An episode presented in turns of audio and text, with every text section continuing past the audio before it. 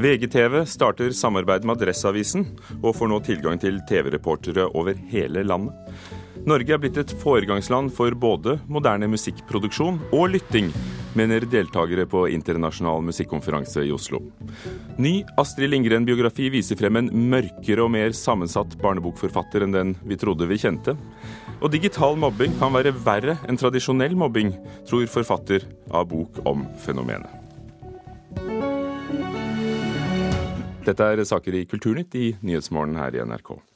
VG skal bruke journalister fra Adresseavisen som distriktsreportere i sin nye TV-kanal. Dermed starter TV-kanalen for første gang samarbeid med en avis utenfor Schibsted-konsernet. Og med leverandøravtaler med flere store avishus i norske byer, har VG nå et nettverk av fjernsynsjournalister over store deler av landet. God lørdag formiddag og velkommen. I dag er det 8. november, klokken er ti, og du ser på VG som fra og med i dag også starter sendinger på TV. Slik hørtes det ut da VGTV for første gang gikk på luften på vanlig TV, distribuert av Kanal Digital den 8. november. Siden den gang har de knyttet til seg Fedrelandsvennen, Stavanger Aftenblad og Bergens Tidende. Alle skipsdedeide aviser. Nå får de også med seg Adresseavisen i Trondheim, som ikke er eid av Skipsted, men som har inngått en avtale med VGTV som betyr at Adresseavisen kan rykke ut og dekke store hendelser i Midt-Norge for VGTV. Det betyr i praksis at VGTV så å si har nyhetskorrespondenter nesten over hele Norge, sier redaktør og direktør i VGTV Helge Solberg. Det sier seg selv at det vil styrke vår nyhetsdekning. Vi har nå et selskap på 61 medarbeidere, ansatt 25 de siste månedene. Og det er klart at vi kan levere innhold nå, også digitalt, på et helt annet nivå enn tidligere. Nyhets- og sportsredaktør i TV 2 Jan Ove Aarsæter tror at VGTV med tiden kan bli en stor konkurrent når det gjelder innenriksstoff. Jo, jeg vil tro det. Og på den andre sida er det jo sånn at vi må jo uansett konkurrere med alle NRK sine mediehus rundt omkring i Norge. Og de teller jo ganske mange journalister som er gode med kamera, og vi har jo klart den konkurransen ganske bra. Eh, så denne konkurransen har vi jo uansett fra før. Eh, men det er klart det å kunne dekke hele Norge, og også til en viss grad være veldig rask på å dekke hele verden, det blir jo en del av eh, det naturlige oppdraget for de som skal konkurrere på, på nyhets-TV. Hvilke fordeler har, har VGTV foran nyhetskanalen, om, om det har noen som helst fordel? Nei, Jeg tror det vil skje det samme som skjedde når TV 2 kom i sin tid. At TV 2 senka terskelen for hva vi eh, sendte direkte på. og Det førte igjen til at NRK fulgte etter og senka sin terskel. Og nå tror jeg at eh, Torry Pedersen har rett i det når han sier det at VGTV vil nok senke terskelen videre for hva en går direkte på, og de vil av og til slå NRK og TV 2 på, på hendelser der de er først ute. Det tror jeg eh, kan skje. Nyhetsredaktør i NRK, Stein Bjøntegård, har denne kommentaren. Det er jo ingen overraskelse at eh, VG satser stort, det vet vi. Eh, det er en eh, konkurranse som vi selvfølgelig tar alvorlig, men som vi ikke frykter. Dette markedet som går i skjæringspunktet mellom TV og nett, det skjerpes stadig. Det merker vi, og det merker TV 2. Og poenget er jo å stå på, og det kommer vi også til å gjøre. Stein Bjøntegård, nyhetsredaktør i NRK, reporter Jan Rye Ravnestad. Jens Barland, medieforsker ved Høgskolen i Gjøvik, er du enig med NRK her at eh, det ikke er noe å frykte? Ja, men jeg hørte også at han la inn nyansen at det er en eh, konkurranse de tar på alvor. Men eh, samtidig, NRK har så stor styrke, så jeg tror nok de skal kunne greie å stå godt av i den konkurransen. Hva betyr samarbeidsavtalene som VG har inngått, nå sist da med Adresseavisen i Trondheim, for å, å, lykkes eh, på TV? Ja, En liten nyansering her. Jeg tror nok det gjelder det at VGTV de får da tilgang til bilder fra disse mediehusene. Uh, jeg tror ikke det er sånn at de rykker ut som sådan på vegne av og for VG.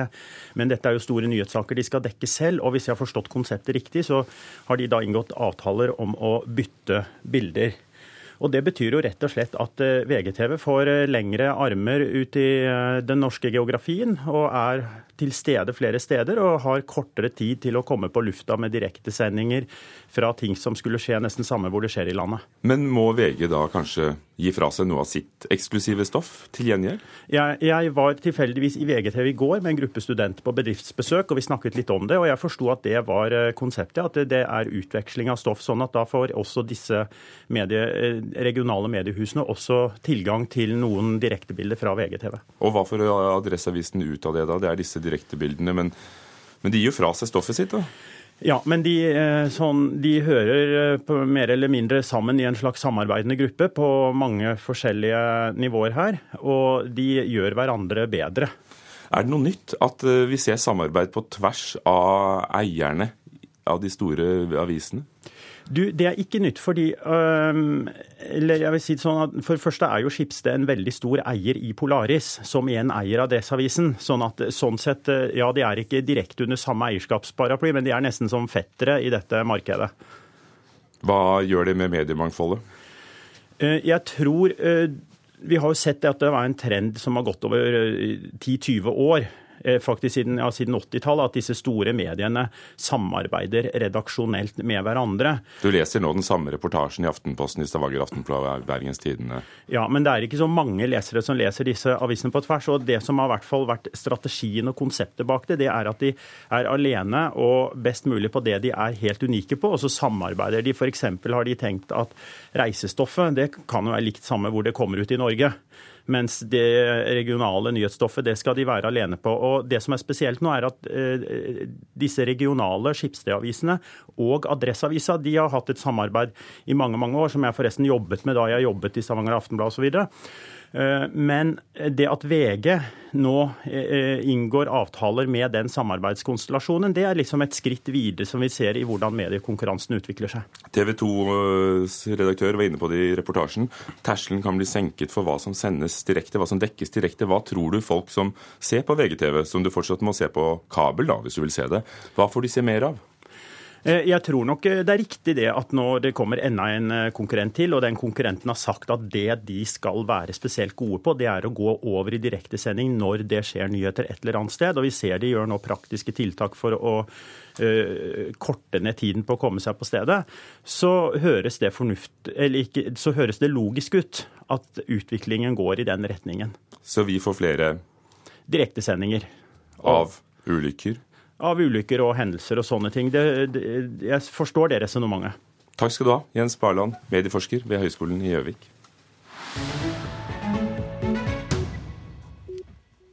Arkitekt Erling Viksjøs slektninger vil hindre at Y-blokken i regjeringskvartalet i Oslo blir revet. I mai bestemte regjeringen at Høyblokken skal bevares, mens Y-blokken rives.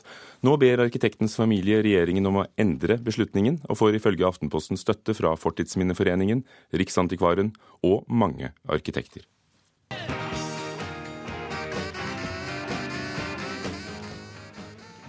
Bobby Keys, som i mange år var saksofonist i Rolling Stones, er død. Keys har vært syk i lengre tid og døde i går, 70 år gammel, i Tennessee i USA.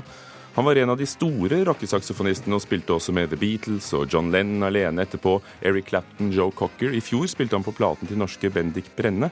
Og med Rolling Stone var Bobby Keys med på de etter hvert legendariske albumene Let It Bleed, Sticky Fingers, og satt sitt preg på låter som denne, Brown Sugar.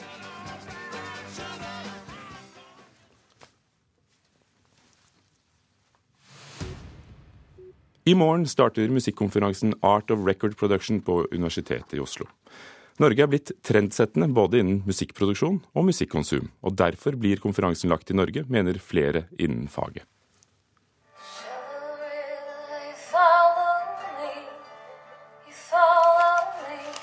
Det er Ida Jenshus, 'Shallow River'. Et verk som varer i 14 minutter og 40 sekunder som eh, er tredelt, og som hun har valgt å henge sammen til én helhet, fordi hun ønsker at det skal fremstå sånn.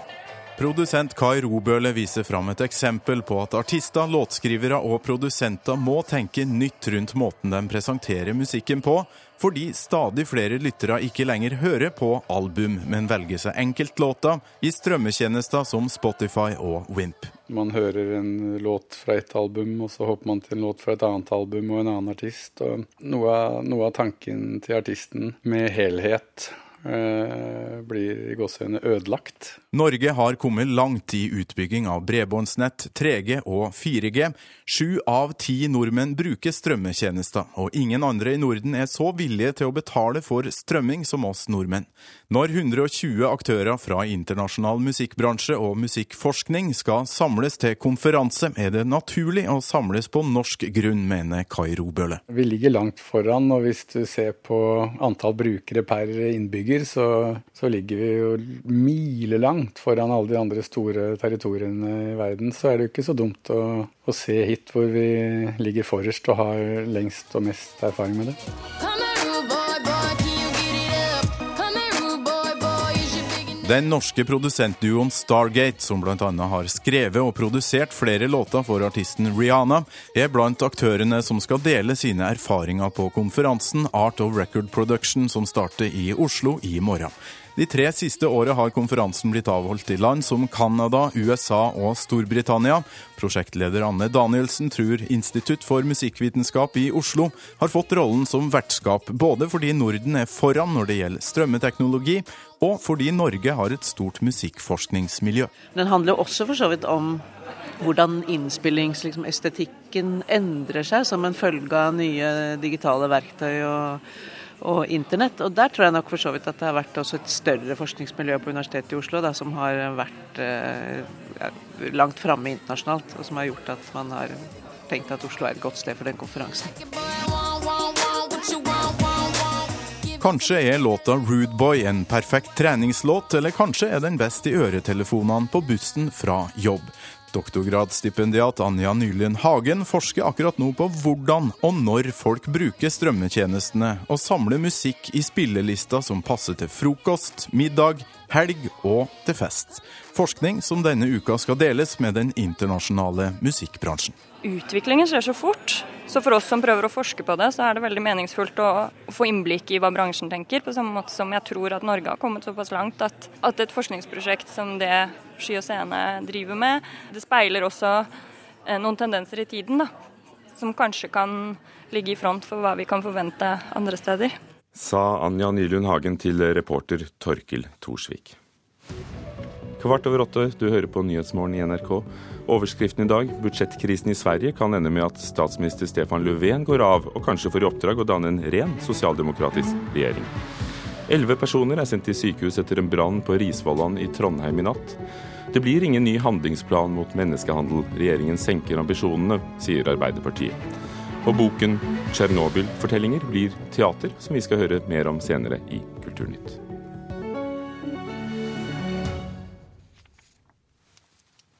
Mio, jeg er redd, hvisket Jum-Jum bakom meg. Jeg vendte meg mot honom og skulle ta hans hand. Men just då försvann Jum-Jum. Han försvann inn gjennom veggen uten at jeg visste hvordan det gikk til. Astrid Lindgren var slett ikke bare en blid historieforteller, men hun var det også, det hørte vi jo her, men hun var en langt mer sammensatt forfatter. Denne dag, Ett liv, er tittelen på en ny, stor biografi om Astrid Lindgren som kom ut i Danmark tidligere i høst. Den er skrevet av Jens Andersen, som tidligere har skrevet både om H.C. Andersen og dronning Margrethe. Litteraturkritiker her i NRK, Anne Katrine Straume. Hva er det Andersen forteller oss om Astrid Lindgren? Han forteller om den velkjente Astrid som vokste opp i Småland i en eh, tilnærmet idyllisk familie med en søskenflokk som lekte og lekte og nesten lekte seg i hjel, som hun selv har sagt eh, flere ganger. Men han forteller også om den 19 år gamle journalistlærlingen Astrid som er i Vimmerby Tidning, og som blir gravid med sjefen, som er en mann på alder med hennes far. Det er en mann hun ikke vil ha. Han vil ha henne. Han er en gift mann, men er i en skilsmissesituasjon. Um, hun rømmer til Stockholm for å komme unna bygdesladderen, videre til København og føder barnet der i ensomhet om å la ham bli i en fosterfamilie i tre år før hun kan hente ham hjem til Sverige. Og denne eh, hendelsen bruker Jens Andersen veldig mye tid på, eh, mye plass på i boken. Og eh, han eh, vil vel fortelle at dette betydde mye i hennes liv. Denne sorgen og savnet etter sønnen, den er noe som har preget henne hele tiden. Og det er kanskje derfor også at hun skriver ofte om gutter som er uten foreldre, som er sårbare. Det kan være Mio Mimio eller Rasmus på loffen. Eh, det er en hendelse som preget henne i hele forfatterskapet hennes. Det er skrevet mye om Astrid Lindgren før, eh, om ikke så mange store biografier. Hvilke kvaliteter er det Jens Andersen har?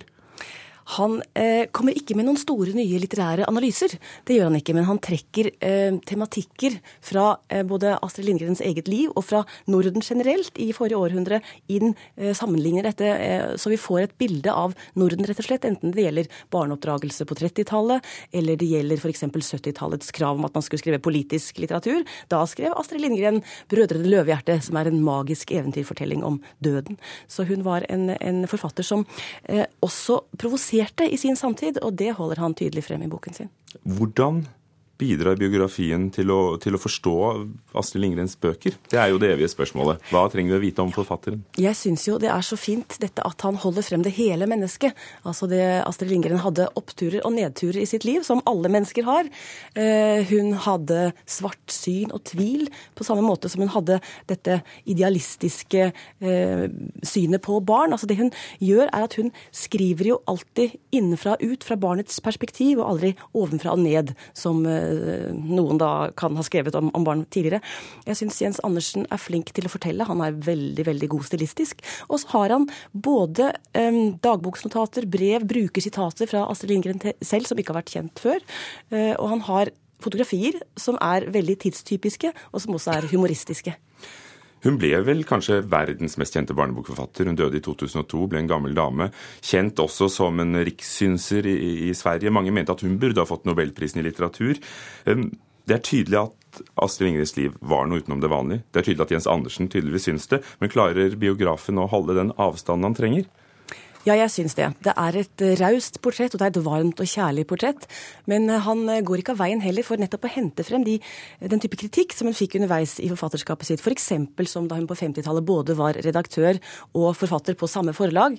Og noen forfattere ville kanskje si at hun hadde for mye makt. På den andre siden så hjalp hun mange forfattere frem, og ble en slags fødselshjelper og en som fikk et større eh, anerkjennelse for barnelitteraturen i Sverige. Ehm, det er et kjærlig portrett, og det er et raust portrett, men det er jo et portrett av et menneske som også hadde en helt spesiell eh, og stor eh, livsoppgave.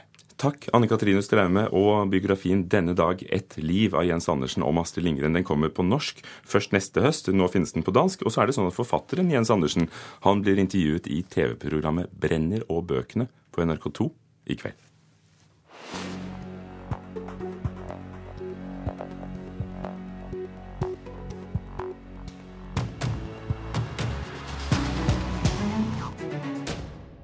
Sceneskifte i Kulturnytt. I går ble det kjent at elever ved Thor Heyerdahl videregående skole i Larvik har laget en såkalt julekalender på nettstedet Facebook med påstander om medelevers seksuelle gjøren og laden.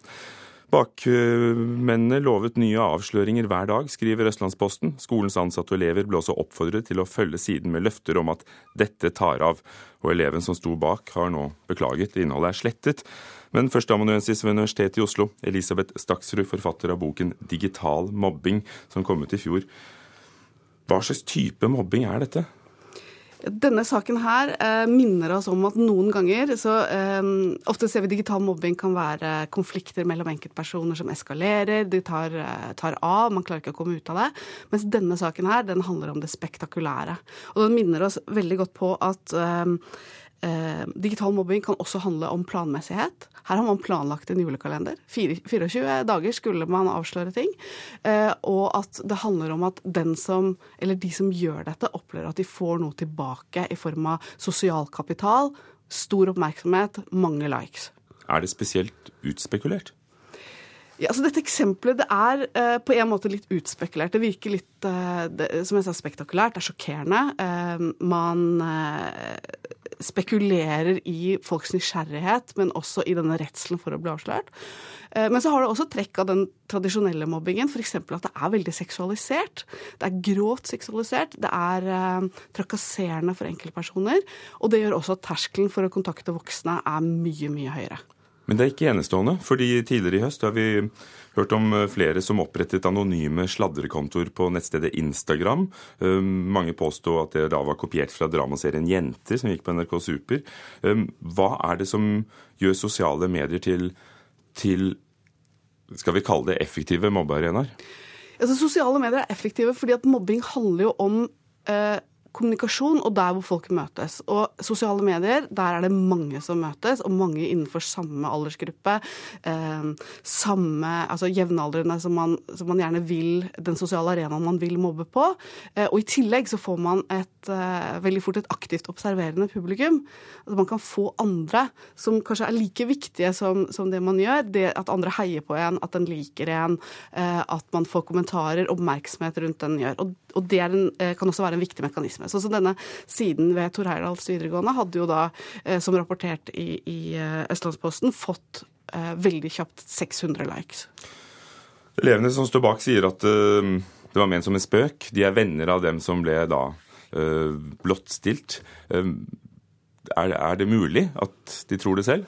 Ja, altså veldig mye av eh, Når man, når man går inn i mobbeepisoder og, og digital mobbing, kan ofte voksne bli veldig forbauset. fordi at dette handler jo eh, mange ganger om noen som tilsynelatende er venner, eller som er venner offline. Men så er de dødsfiender på nettet og slenger mye eh, stygt om hverandre eh, og trakasserer hverandre på nettet. Men det er jo ikke sånn at de ikke vet at dette er galt. Eh, de som sto bak denne siden, eh, hadde jo uttalt til Østlandsposten at ja, vi vil si at dette er nettmobbing, men det er en veldig svak versjon av det. Sånn dette handler jo også om at man vet at dette her er på grensen eller langt over grensen, eh, og så gjør man en vurdering. Og så tenker man hva er fordelene, hva er ulempene? Og så er fordelene kortsiktige og handler om en selv oppmerksomhet man får, og ulempene er langsiktige, og så gjør man det likevel. Er det verre enn mobbing i skolegården? På gammeldags vis? Eh, om det er verre, er vanskelig å si. Men det vi i hvert fall vet i forhold til digital mobbing, er at denne delen som handler om anonymitet, at man ikke vet hvem som står bak siden, hvem er det som legger ut disse meldingene om meg, det gjør at det oppleves verre for offeret. Takk. Elisabeth Staksrud, som skrev boken 'Digital mobbing', og som er eh, førsteamanuensis ved Universitetet i Oslo. Ingrid Storholmens prisbelønte bok, 'Tsjernobyl-fortellinger', blir satt opp på Nord-Trøndelag Teater på Stiklestad, hvor vi skal nå. Her er vi blant noen av verdens mest radioaktive folk, påstår teatersjefen, og mener teater om livet etter katastrofen er viktig og riktig i vår tid. Dette er ikke lyden av radioaktivitet. Stråling høres ikke, den ses ikke, den bare er der år etter år. Ja. ja en rull gråpapir rett og slett med forestillinga på. Ja, det er det. hvordan, hvordan, tenker du her? Jeg tenker at det er så godt for de som skal jobbe med meg også på denne, dette prosjektet. At de kan se litt hvordan jeg tenker i bilder sammen med teksten. Da. Sier regissør Birgitte Fjell Bjørsvik. Utgangspunktet er boka 'Tsjernobylfortellinger' av Ingrid Storholmen. Den er nå nominert til en av de største litterære prisene i verden. Den bygger på stemmer fra dem som ble ramma og fortsatt rammes av stråling etter katastrofen i Tsjernobyl 26.4.1986. Nå om den sovjetiske atomkraftverksulykka. Sovjetisk radio kaller nå atomkraftverksulykka ved Kiev for ei katastrofe. Dette er trolig den verste ulykka av sitt slag til nå alvoret er der med hele veien, men det er jo også eh, uttrykk for teksten til Ingrid oppi her, som er veldig poetisk og billedskapende. Overlevelsen for mennesker også, det er jo ofte å bruke galgenhumor og Så det er eh, et uttrykk som spiller på surrealisme, absurde scenebilder og scener, da. Fordi det er sånn det kan føles når man har gått gjennom noe så stort. Det blir et moderne teater. Komponert rundt stemmer, rollefigurer, video, bilder, lys, lyd, nyskrevet musikk, kostymer og sceneløsninger. Alt laga for et turnéliv. Det er en viktig forestilling, eh, ikke minst politisk. Eh, altså, vi lever fortsatt med etterdønningene fra, fra Tsjernobyl-ulykka. Den er til stede daglig i det området vi, vi bor i. Eh, vi har en befolkning som er blant de mest radioaktive i hele verden. Sier teatersjef ved Nord-Trøndelag Teater, Kjetil Kolstad. Vi er jo veldig veldig glad for å få lov til å bearbeide Ingrid Storholmens eh, fantastiske bok fra 2009 for scene. Boka i seg sjøl er jo kunstnerisk veldig eh, tøff og, og, og, spennende. Krevende. Den er, den er, ganske søkende og utfordrende i formen. Og Det tenker jeg også er noe vi må overføre til scene. Eh, så det blir jo en forestilling som, som går mer over i det performative. En veldig visuell forestilling. Politisk teater, det er ikke så mye av det? Er det dristigere? Nei, altså Jeg vil kanskje ikke kalle det politisk teater i seg sjøl. Altså, det er et veldig politisk eh, fundament for forestillinga. Men, men, jeg vil heller si at det nærmer seg det dokumentariske teatret. Og det jo, begynner å få en stor framvekst eh, på, på, på scener rundt omkring i, i hele Europa, hvor, hvor faglitteraturen egentlig inntar, inntar scenene. Sa teatersjef ved Nord-Trøndelag Teater eh, Kjetil Kolstad. Musikken var av og med Øystein Elle. Reporter Lars Erik Skjærseth. Den amerikanske skuespilleren og komikeren Bill Cosby er saksøkt av en kvinne som hevder at hun ble utsatt for et seksuelt overgrep i 1974. Kvinnen påstår at Cosby forgrep seg på henne da hun var 15 år gammel. Den siste tiden har flere kvinner stått frem og anklaget 77 år gamle Cosby for seksuelle overgrep. Cosby har avlyst flere forestillinger, og TV-kanalen NBC vil ikke lage den planlagte TV-serien med ham. Også repriser av 80-tallssuksessen The Cosby Show, hvor han var den folkekjære familiemannen, ble nylig droppet av en TV-stasjon i USA. Og 40 år etter at den italienske forfatteren og filmregissøren Pier Paolo Pasolini ble drept, skal retten ta opp saken på nytt. Pino Pelosi, mannen som ble dømt for drapet, har i avhør navngitt to andre menn som han hevder slo Pasolini til døde. Tidligere har han sagt at han gjorde det alene, men nye metoder har vist at minst tre mennesker hadde etterlatt DNA-spor på Pasolini da han var død. Pelosi var den gang 17 år gammel og prostituert, og hevdet at Pasolini hadde forsøkt å voldte ham, og at han derfor drepte ham. Og det skjedde i 1974. I Kulturnytt har vi hørt at VGTV samarbeider nå med Adresseavisen, og dermed får et helt nett av TV-rapporter over hele landet. Og det er viktig, sa medieforskeren som gjestet Kulturnytt, som var ved Espen Hansen teknisk ansvarlig, Lars Ivar Nordahl produsent og Ugo Fermariello programleder. Dette er Nyhetsmorgen. Klokken er straks halv ni, og du hører på NRK.